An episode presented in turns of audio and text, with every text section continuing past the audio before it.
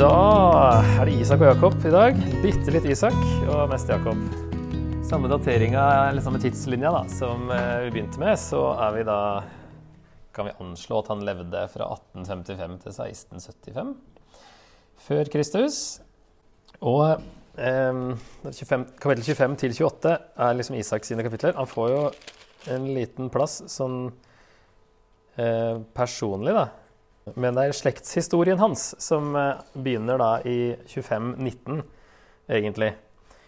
Eh, der det begynner å handle om Jakob og Esau, så er det egentlig Isak sin slekt. Sånn at hans slektshistorie får stor plass. Men han sjøl er ganske sånn anonym. Eh, men det starter jo etter at Jakob og Esau da har Jakob først har lurt Esau i starten her. Det kommer vi jo til etterpå.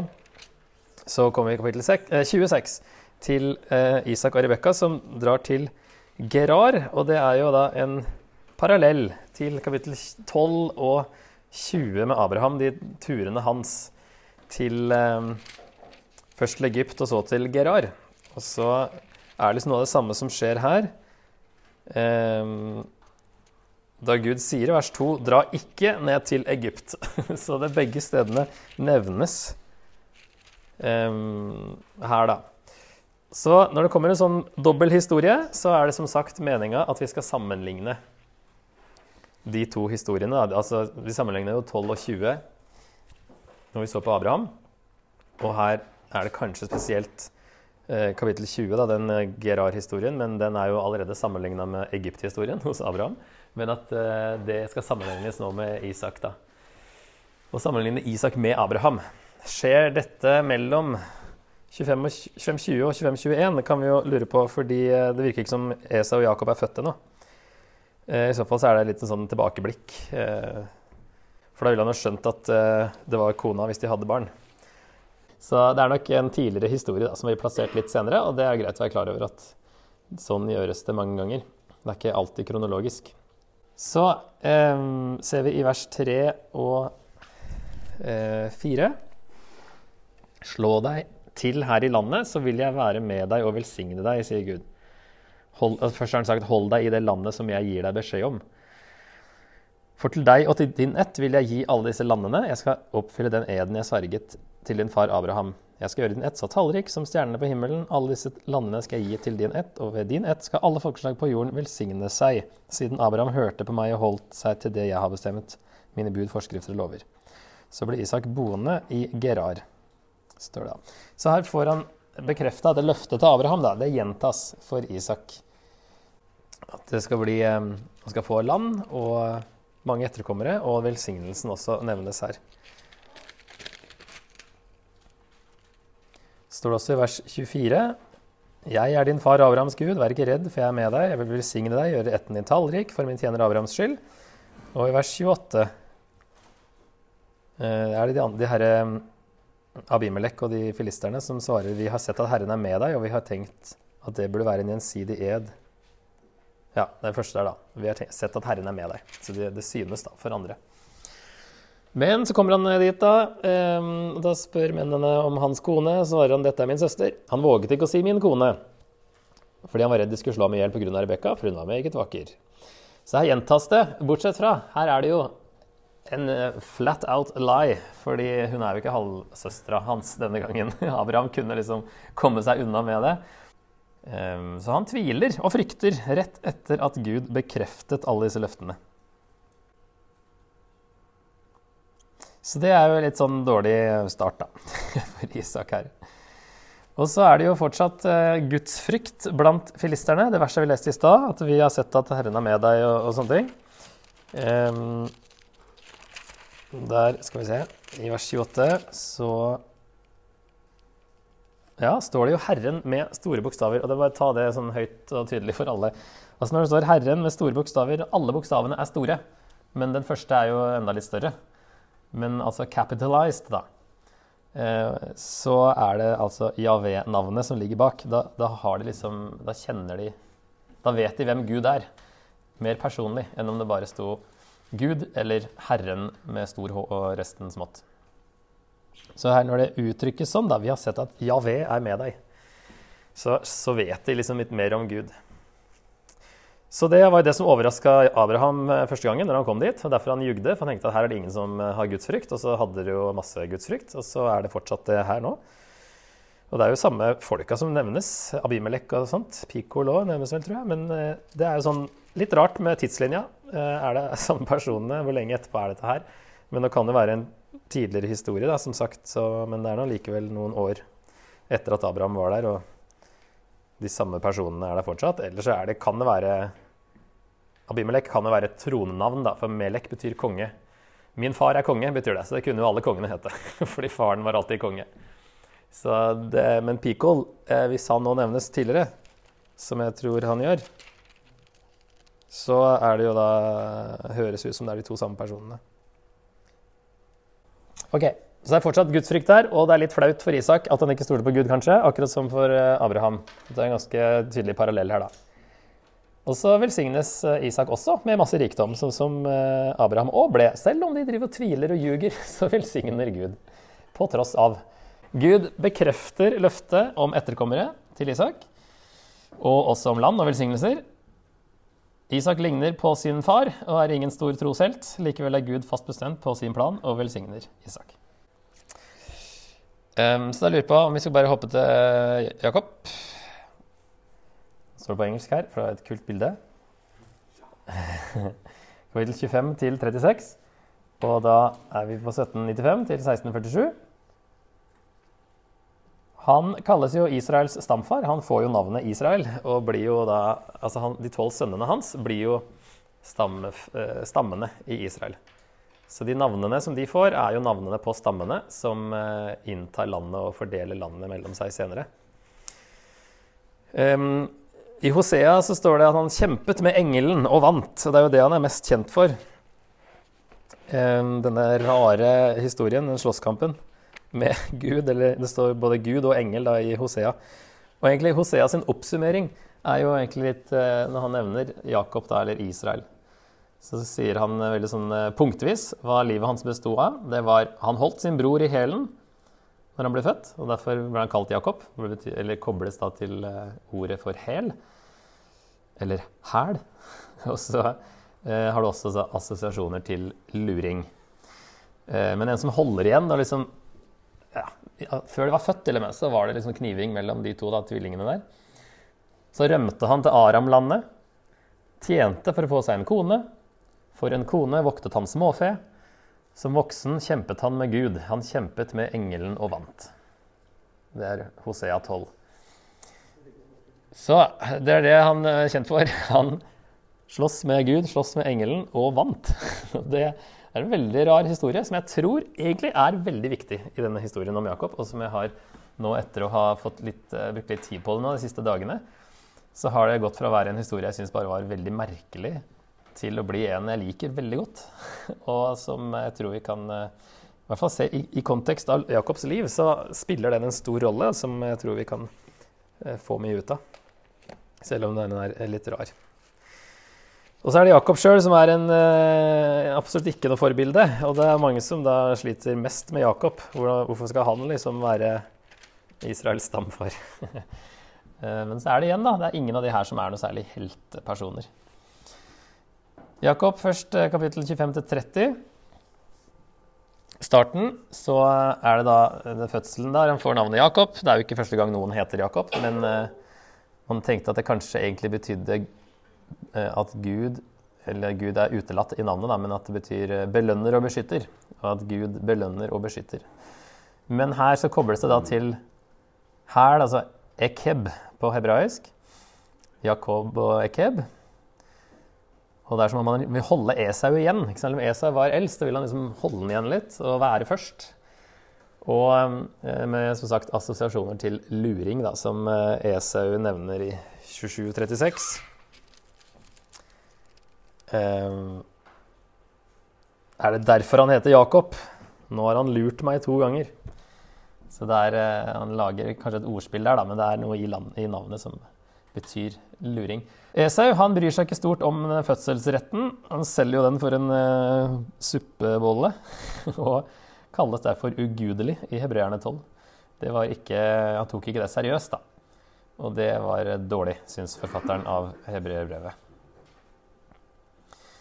Begge to er litt som ikke helt hel ved akkurat der i starten.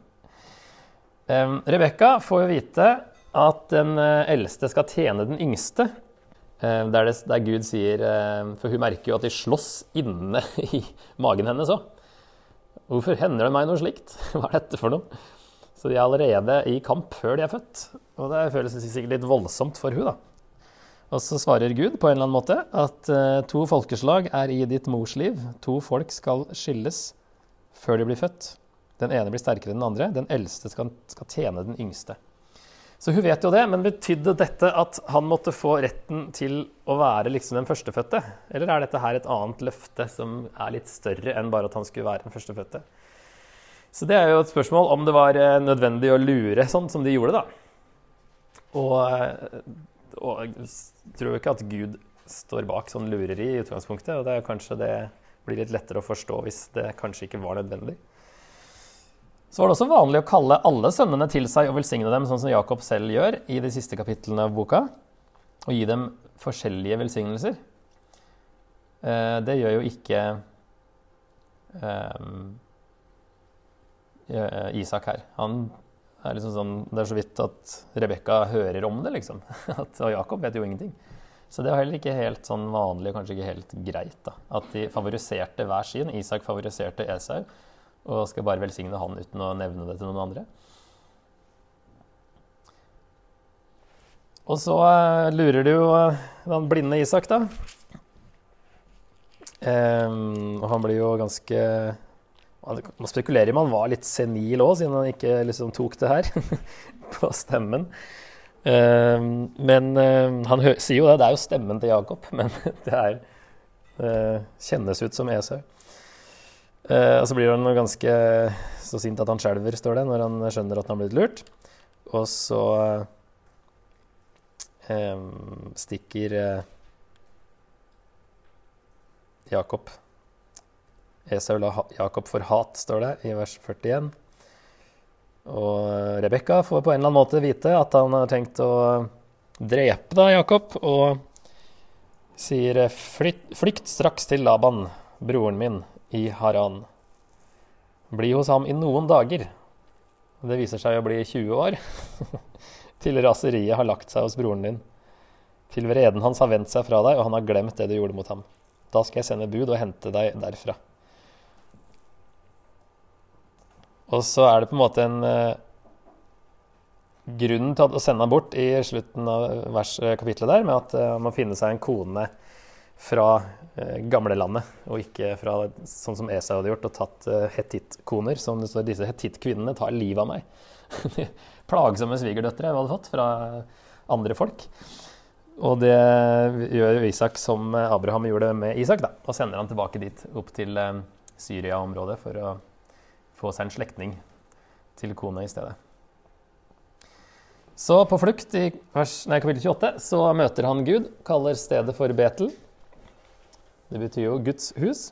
El er eh, Gud, og Bet er hus. Og Bet-Lehem betyr brødhuset. Lehem er brød, og Bet er hus. Så kanskje det var eh, mye mat der, mye korn, mye brød, som ble kalt for brødhuset. Så alle sånne Bet-steder da, er jo eh, hus av et eller annet. Så her er det House of God, Betel. Derfor kalles jo noen menigheter for Betel. Um, Planen er å vende hjem en dag ved Guds hjelp. Gud, eh, han får se den der himmelstigen her. Og får et løfte om at Gud skal bevare han, og han sier da i vers 20 og 21 Om Gud er med meg og bevarer meg på den veien der jeg går, om han gir meg brød til å spise og klær til å ha på meg, og la meg vende tilbake til farshuset mitt i fred, da skal Herren være min Gud. Denne steinen som jeg har reist som en støtte, skal være Guds hus. Av alt du gir meg, skal jeg gi deg tiende. Og så får jeg nå Abrahams velsignelse da, i vers 3 eh, og 4 av Isak. Isak gir den videre der, og det løftet bekreftes når Gud også i denne drømmen gir han disse løftene. Jeg er Herren, din far Abraham og Isaks Gud, i vers 13. Den jorden du ligger på, vil jeg gi til deg og din ett. Din ett skal bli som støvet på jorden.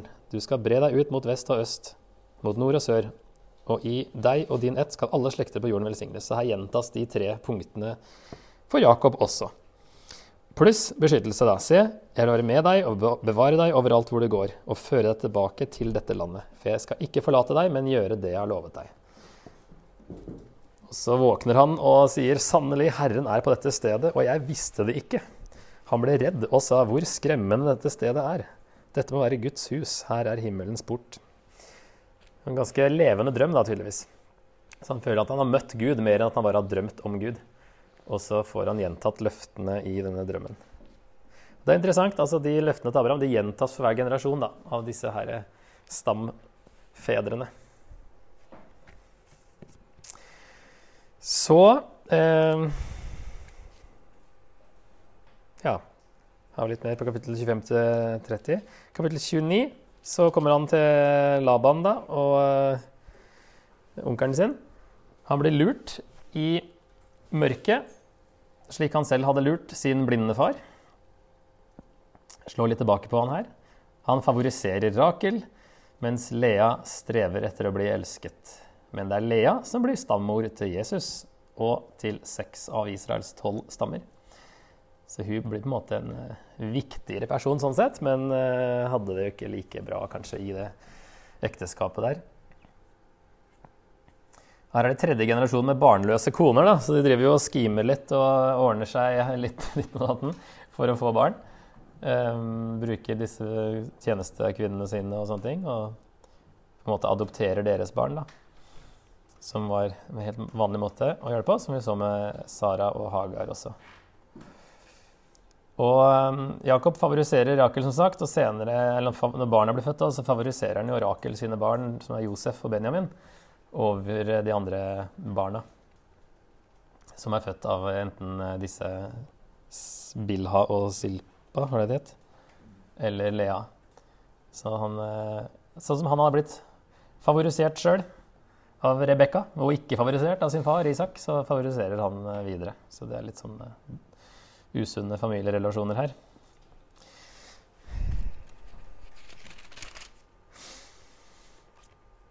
Og så er det rare greier i kapittel 30.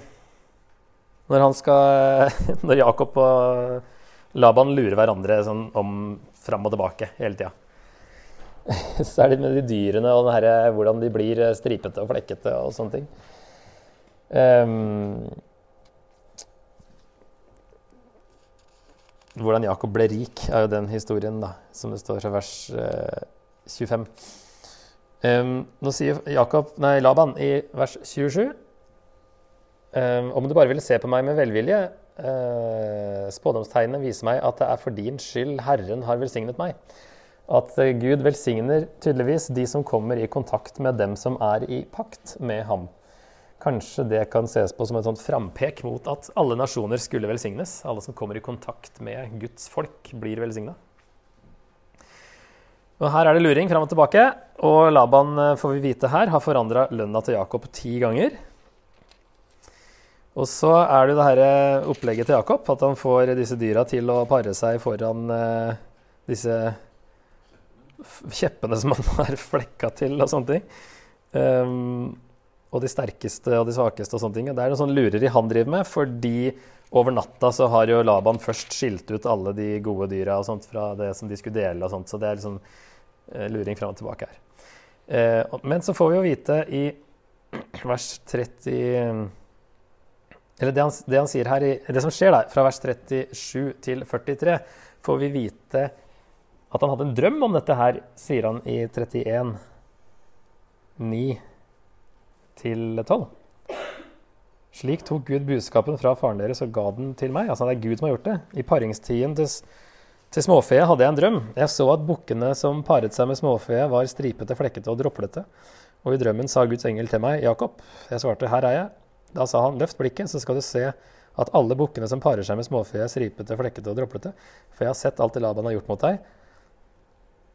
Ja, Uh, likevel, Gud sier ikke hvis du setter opp kjepper og får dem til å pare seg der, så blir det sånn. Men det er et eller annet i den drømmen som uh, gjør at kanskje Jakob Det er kanskje noe overtro og noen gamle greier han bruker i det her opplegget her, men at uh, han forstår likevel som at Gud har gjort det. Men kanskje han mener at dette er en, måte han kan bidra på, eller et eller annet sånt. Det er en merkelig greie. Det er jo ikke noe magisk som skjer. I hvert fall så har Gud sagt noe om dette her da, i en drøm. Men det får vi jo ikke vite før etterpå. Så det er interessant å måtte lese litt videre av og til for å forstå mer av det vi leste i stad. At ting nevnes ofte i, i Mosebøkene, så er det ting i en senere bok som forklarer noe som var rart i en tidligere bok. Det kan vi iallfall si. Det er Gud som egentlig gjør det, uansett hva Jakob driver med.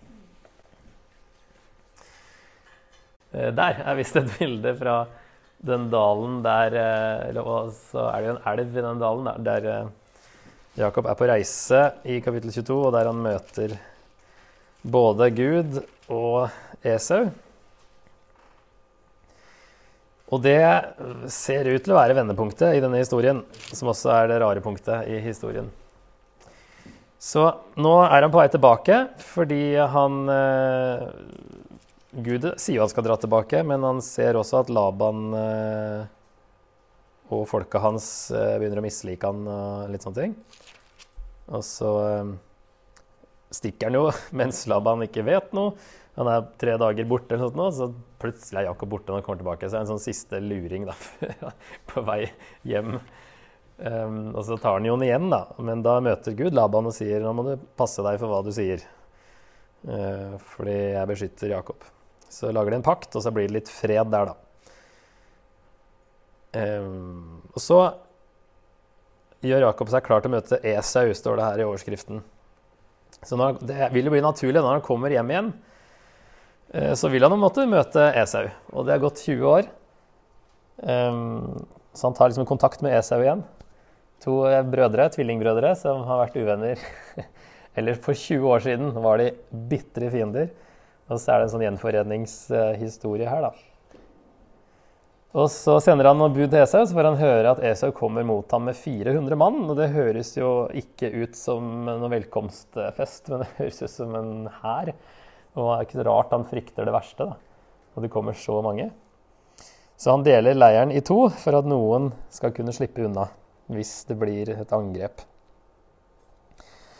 Og her ser vi at han ber, da, i hvert fall, eh, fra vers 9. Um, ber til du min far Abrahams Gud, du min far Isaks Gud. Herre, du som sa til meg, vend tilbake til landet ditt og slekten din, så skal jeg vise deg godhet. Jeg er ikke verdig all den miskunn og troskap som du har vist din tjener, for bare ved staven For med bare staven min gikk jeg over Jordan, og nå har jeg to leirer. Berg meg fra min bror Esaus hånd, jeg er redd for ham. Han kan komme og slå i hjel både eh, meg og mine, ja, slå i hjel meg og mine, både mor og barn. Men du sa at du ville vise godhet mot meg, og la min ett bli som havets sand, som ingen kan telle. Og han ble der, der natten, den natten. Så eh, han ber, og så planlegger han samtidig da, å sende gaver til Esau i flere puljer. Sånn gave på gave på gave. I håp om å overvelde ham, da, så, han kan, så han kanskje vil ta vennlig imot meg, står det i vers 20. Jeg vil blidgjøre ham med den gaven som kommer i forveien. Når jeg senere møter ham ansikt til ansikt, vil han kanskje ta vennlig imot meg. Og så eh, er det liksom so far so good. Men så står han opp midt på natta, eller i hvert fall om natta, den natta før. Krysser elva med hele familien og alt han eide, sannsynligvis for å beskytte dem. Da.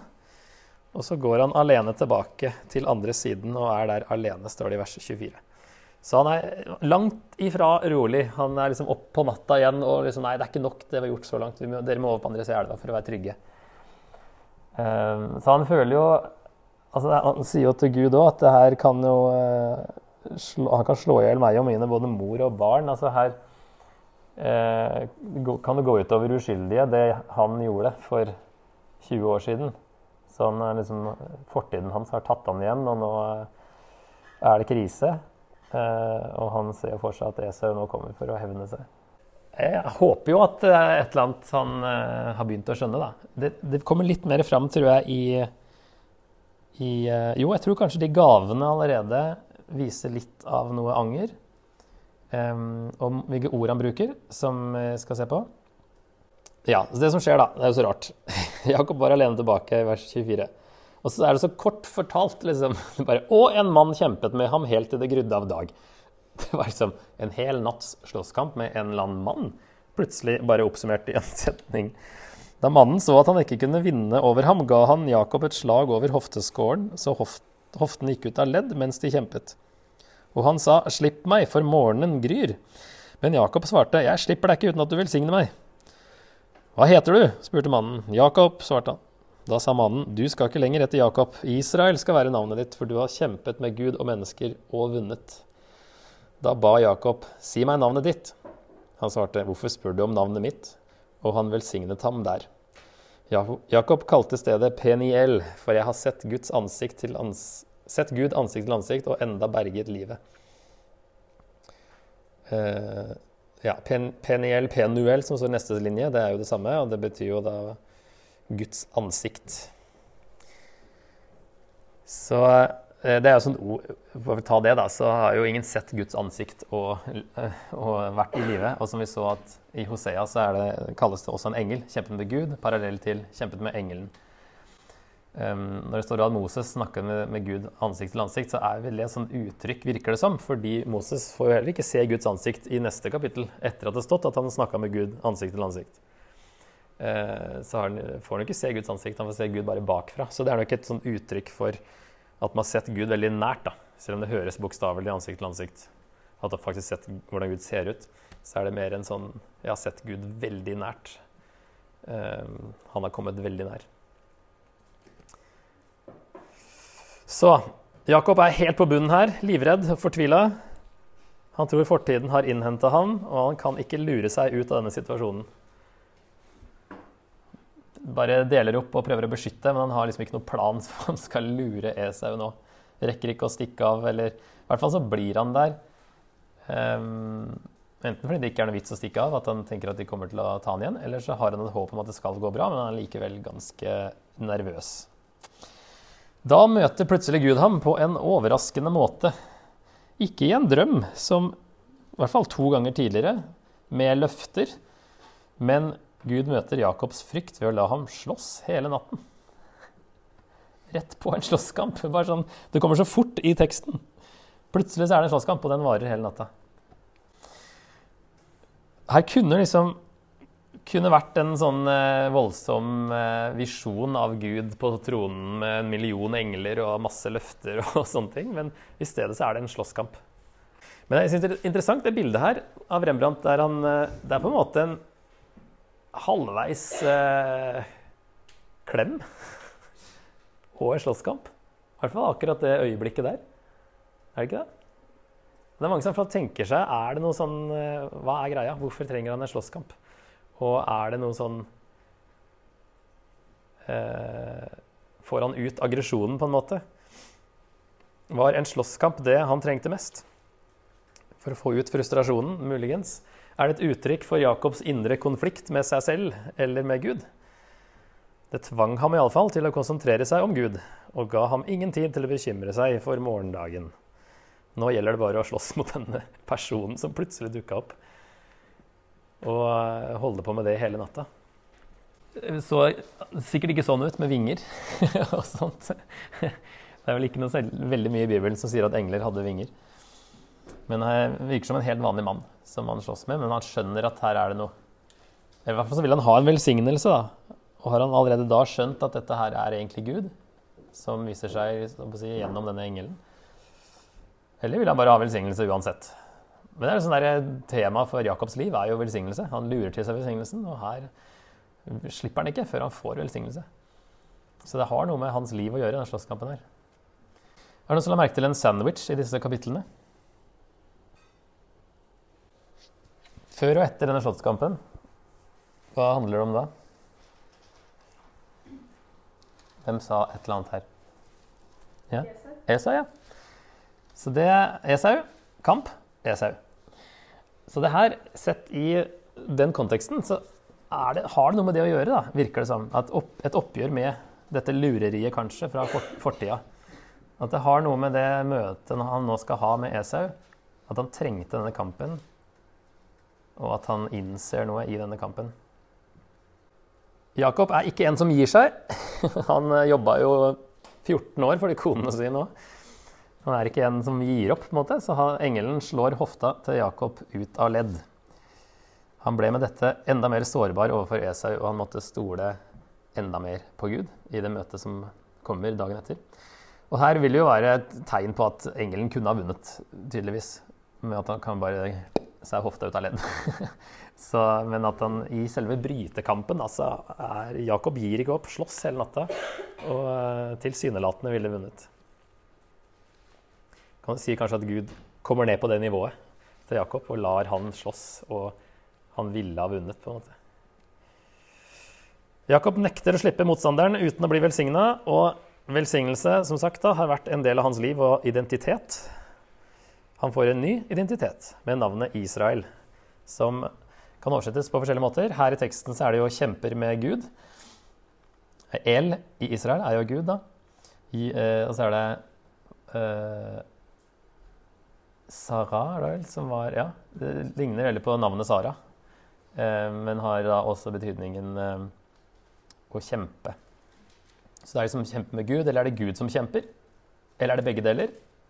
Eller så vil noen oversette det med 'Gud holder ut'. Og det gjør han jo virkelig med Israels folke senere. som kjemper med Gud, og Gud holder ut. Leserne heter jo også Israel. ikke sant? Deres stamfar slåss med Gud. Ville de da forstå at de også kan kjempe med Gud, og at Gud holder ut med dem? Noen raske tanker om første leser, som vil jo da kjenne seg igjen også i navnet. da. Og så vil Jakob vite motstanderens navn, men han får i stedet den velsignelsen han har søkt hele livet. Han eh, skulle ikke bli husket som en som lurte til seg velsignelsen, men en som fikk den ved å kjempe med Gud. Vi husker han jo for lureriet òg, men han får jo mer kjent i den her, Det er det siste som skjer, at han er en av de få som har hatt en sånn slåsskamp, med, en konkret slåsskamp med Gud, og som da har vunnet, egentlig. Så det er nesten som å få ut aggresjonen før han blir omfavna til slutt ved å få den velsignelsen. Det er et eller annet sånt metaforisk her, tror jeg. Så jeg vet ikke om Rembrandt har tenkt det med det bildet. Det ser ut som en veldig sånn rolig slåsskamp på det bildet der. Eh, men eh, et eller annet sånn eh, Få ut frustrasjonen og alt det her som kanskje han ja, frustrert over seg sjøl og overfor Gud, at han kan få lov å slåss det ut. Og det kanskje var det han trengte mest akkurat da, selv om det er veldig plutselig og midt i en krise, liksom, så er det en slåsskamp. Møte med Esau. Til slutt halter han mot møtet med Esau med en svakere kropp og en sterkere tro, kan vi kanskje kalle det. Han virker sikrere om at konfrontasjonen med Esau vil gå bra. Han hadde jo nettopp vunnet over Gud. Da burde dette også kunne gå greit. Så det er et eller annet Han får noe fred da, i denne velsignelsen og kampen. At um, virker det som. Eh, han bøyer seg mange ganger på lang avstand, og sånne ting, men eh, det er jo en del av kulturen og opplegget. og eh, Dumt å komme der litt sånn, sånn overlegen uansett. Og så er spørsmålet, er dette veldig sånn som Jesus snakker om? Måtte han ønske å bli gjenforent med sin bror før han kunne møte Gud? Så han skal jo tilbake til Betel, der han møtte Gud. Og det er liksom løftet han har um, fått fra Gud, at Gud skal beskytte han til han er tilbake der. Så nå er han på vei tilbake. Men det er jo det Jesus sier, ikke sant? Det at vi må gjøre opp ting eh, med andre før vi liksom kommer, med, kommer til Gud. Han snakker om å komme med ofringer, men det er jo gamle paktspråk. Men det er jo en liten parallell på det. da. Han blir jo ikke gjenforent før han møter Gud, men han i hvert fall ønsker det. Um, så det syns jeg var en interessant tanke. Og så er det vers tre blant annet.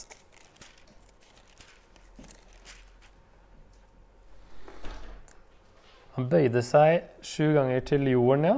Veldig sånn ærbødig.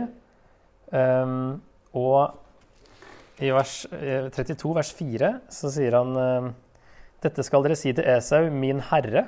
Så sier Jakob, din tjener.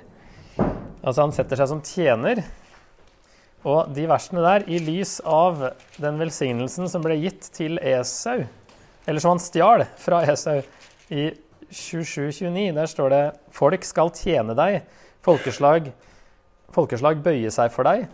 Vær herre over dine brødre. Din mors sønner skal bøye seg for deg. Så her er jo egentlig det Esau skulle fått, som eh, Jakob får. At brødrene hans skal bøye seg for Jakob. Så er det å kalle han for eh, herre og være hans tjener. Så snur han det her veldig, da, med å kalle Esau for herre, kalle seg sjøl for tjener, bøye seg hele veien mens han går.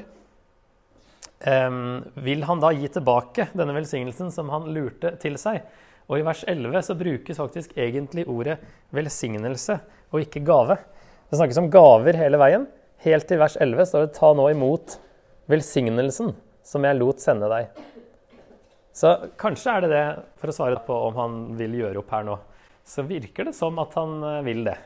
Og angrer på at han gjorde det han gjorde 20 år siden. Og at han eh, vil gi tilbake så mye av det han kan, på en måte. Eh, både posisjonen, at jeg er din tjener, du er eldre enn meg. De var tvillinger, men likevel. Han var jo litt eldre. Og, eh, og kaller det da en velsignelse. Det kan selvfølgelig en gave å bare være en, kalles en velsignelse, men i lys av Jakobs liv så er jo det et uh, nøkkelord. Da. Så det er interessant å se at det brukes, men det er dumt at det ikke oversettes. Jeg ser de mange engelske har 'blessing' der. Og det som er veldig interessant, som jeg ikke har sett før Vers 4. Men Esau sprang imot ham og omfavnet ham, kastet seg om halsen på ham og kysset ham. Hvem annen person gjør det? Hvem? Ja, Esau reagerer som faren i lignelsen om den bortkomne sønn. Det er nesten ord for ord, altså, det som skjer. Så her er jo Esau eh, virkelig et forbilde på å bli gjenforent med broren som har lurt den. Og han, som tar det imot på den måten. Og som egentlig var litt sånn der, uh, undignifying oppførsel. Som en viktig person skulle man ikke liksom løpe av gårde. Man skulle være rolig og Men her uh, ja, kaste seg om broren sin. Liksom. Det er en overraskende reaksjon som skjer her. Og det er jo mulig, det er jo gøy da, om Jesus bruker Esau som si, har han i tankene når han forteller den lignelsen. At det blir, siden det er så ordrett, at han blir faktisk eh, så forbilde for hvordan Gud tar imot oss. Så det er en veldig fin gjenforening som skjer her, da. Ok, da kan vi rulle litt videre. Jeg har bare Kapittel 35, egentlig, igjen. Jeg hopper over 34, og noen syns kanskje det er dumt. Eh, men 35 så kommer, kommer Jakob tilbake til Betel. Endelig, kan vi si. Gud lovte i 28.15 å føre ham tilbake. Og Betel har noe av samme funksjon i Jakobs liv som Isak hadde for Abraham. At uh, det er liksom det som er den overordnede det overordnede temaet er at han skal tilbake til der han møtte Gud første gangen. Så endelig kommer han tilbake etter 20 år hos Laban og noe tid i Sikhem i kapittel 34. Somler jo litt der, da, på en måte. Kunne jo dratt rett tilbake. Egentlig dit han er på vei. Men Gud har holdt løftene sine, og Jakob har endret seg, virker det som. Går ut fra at noe er endra, i hvert fall. Gud gjentar velsignelsene her. Han gjentar det nye navnet og løftene til Abraham i vers 10-12. Mye gjentas fra kapittel 28, men ikke løftet om Guds beskyttelse på veien, som nå var oppfylt. Han er ikke på veien lenger. Blir jo fortsatt beskytta, men akkurat den reiseforsikringa er avslutta nå. Og så gjentar Jakob handlingene som han gjør i kapittel 28 Pluss et drikkeoffer her, da. Legger til lite grann. Men det er på en måte at ringen blir slutta her. Han reiser en støtte, øste drikkeoffer på den og helte olje over den. Og kalte stedet for Betel. Så det har han egentlig gjort før. Det har alltid hett Betel, men det har ikke blitt noe offisielt navn på kartet. på en måte, at dette er Betel. Så han gjentar og gjør noe av det samme da, eh, på samme sted. Så det er, det er en sånn tilbake til utgangspunktet, men det er veldig mye som har skjedd siden han, siden han var der. Så eh, Oppsummering av Jakob. Jeg prøver raskt noen punkter. Lever opp til navnet sitt og lurer sin egen bror og sin blinde far. Og han og Laban lurer hverandre flere ganger hver. Han møter Gud på flukt og blir lovet beskyttelse. Han favoriserer sine koner og sønner, slik han selv ble favorisert av Rebekka, og skaper usunne familierelasjoner. Når Jakob møter fortiden igjen, møter Gud ham i rådvillheten ved å la Jakob slåss med ham. Dette blir et vendepunkt. Han berges fra både Gud og Esau. Han om, snakker om det i, i vers 11 og 30 i kapittel 32, at han har blitt redda fra begge to. Eller han ber om å bli redda fra Esau, og han skjønner at han har blitt redda fra Gud. Eh, og da skjønner han at han blir redda fra Esau, virker det som også. Og vi aner en karakterendring hos Jakob. Han kommer omsider tilbake til Betel og vet at Gud har beskyttet ham hele veien slik han lovte. Det er greit at Jakob ikke er noe stort forbilde, fordi det er ikke han eller andre mennesker som er heltene i Bibelen. Det er Gud som er helten, og han får sin plan til å skje ved sin nåde. Velsigner, selv om menneskene ikke alltid fortjener det. Da. Det er jo det nåden er. Så det var en rask oppsummering. Ehm, og så har vi litt tid til å pønske litt på hva kan vi Hva kan vi lære av dette? Og da syns jeg det er mest interessant å tenke på den slåsskampen, da. Siden det er liksom klimakset og vendepunktet her. Hva kan vi lære av det? Så jeg har eh, skribla ned noen ting som vi kan snakke litt om. Hva, nei, altså, vi har allerede all åndelig velsignelse i Kristus, som Efeserne 1,3 sier. Så det er ikke liksom det at vi kan slåss med Gud for å få velsignelser som vi ikke allerede har fått. Eh, men livet med Gud kan likevel noen ganger føles som en kamp. Jobb kjempet med Gud og lurte på om Gud egentlig er rettferdig. Habakuk var frustrert over hvordan Gud styrer verden. Og en tredjedel av salmene gir uttrykk for klaging og frustrasjon med Gud. Det er ganske mye klaging, altså. Og hvor er du, Gud? Hvorfor svarer du ikke, og hva skjer? Jeremia får et eget punkt her. For han mente at Gud hadde lurt ham og sa at Gud har blitt som en tørrlagt bekk, som vann en ikke kan stole på. Og at han hadde latt seg lokke til profetoppgaven. På et punkt sa han, 'Jeg vil ikke tenke på ham, aldri mer skal jeg tale i hans navn'. Samtidig visste han at Gud er med ham som en veldig kriger. Og Han følte at eh, han ikke hadde fått all info om hva det ville si å være en profet. Det var et ganske elendig liv. Eh, spesielt for Jeremia, egentlig. Og han sier at eh, ja, jeg får et budskap som jeg ikke klarer å la være å si, for det brenner på tunga, sier han. Jeg må si det, og når jeg sier det, så havner jeg alltid i trøbbel. Enten vender alle seg mot meg, eller jeg blir kasta i en brønn eller fengsel, eller det er ingen som hører. og det er liksom, Men jeg klarer ikke å la være å si det. Og I starten så sier han at jeg er for ung og jeg kan ikke dette her. Og så liksom, Jo da, det går bra, sier Gud. Og så likevel så har han et par sånne steder, kapittel eh, ja, 15 og 20, der han egentlig har lyst til å slutte som profet, men får det ikke helt til. Eller i hvert fall er i en sånn kamp, da. Og mener Gud har lurt den. Dette her er ikke en dans på roser. Amen, altså. Gud kjenner oss fullt ut og tåler hele oss og alle våre følelser. Han lar oss gjerne ta aggresjonen vår ut på ham i stedet for på oss selv eller andre. Slåss gjerne med Gud, men ikke slipp til du kjenner freden som kommer av hans velsignelse, kan vi kanskje si. At det er en velsignelse vi kan få, en fred, når vi har på en måte slåss ferdig. Om det blir ferdig. Men at det kan være forskjellige sånne prosesser som føles som sånne slåsskamper. Så jeg har lyst til å stille et spørsmål her. Er du i en kamp med Gud, eller tror du at du trenger det? Det kan vi tenke litt på og snakke litt om. Jeg kom på en historie for min egen del som ikke er så det er ikke sånn voldsom troskrise, men da jeg tok min sånn bibelskole, da, så skulle vi ha første sånn andaktsformidling, for å kalle det det, ut fra Filemon. Og jeg fikk det bare ikke til. Jeg var så frustrert og sint. Uh, syns det her var noe herk. uh, og så syns jeg det var så rart at når jeg ba til Gud om det her, så ble jeg bare enda sintere. Det var ikke sånn at freden fylte meg og alt ble bra. Jeg ble bare enda sintere. Um, og det var interessant å oppleve at liksom, jeg følte at jeg kunne ta ut aggresjonen. Og at uh, Gud tåler det veldig godt.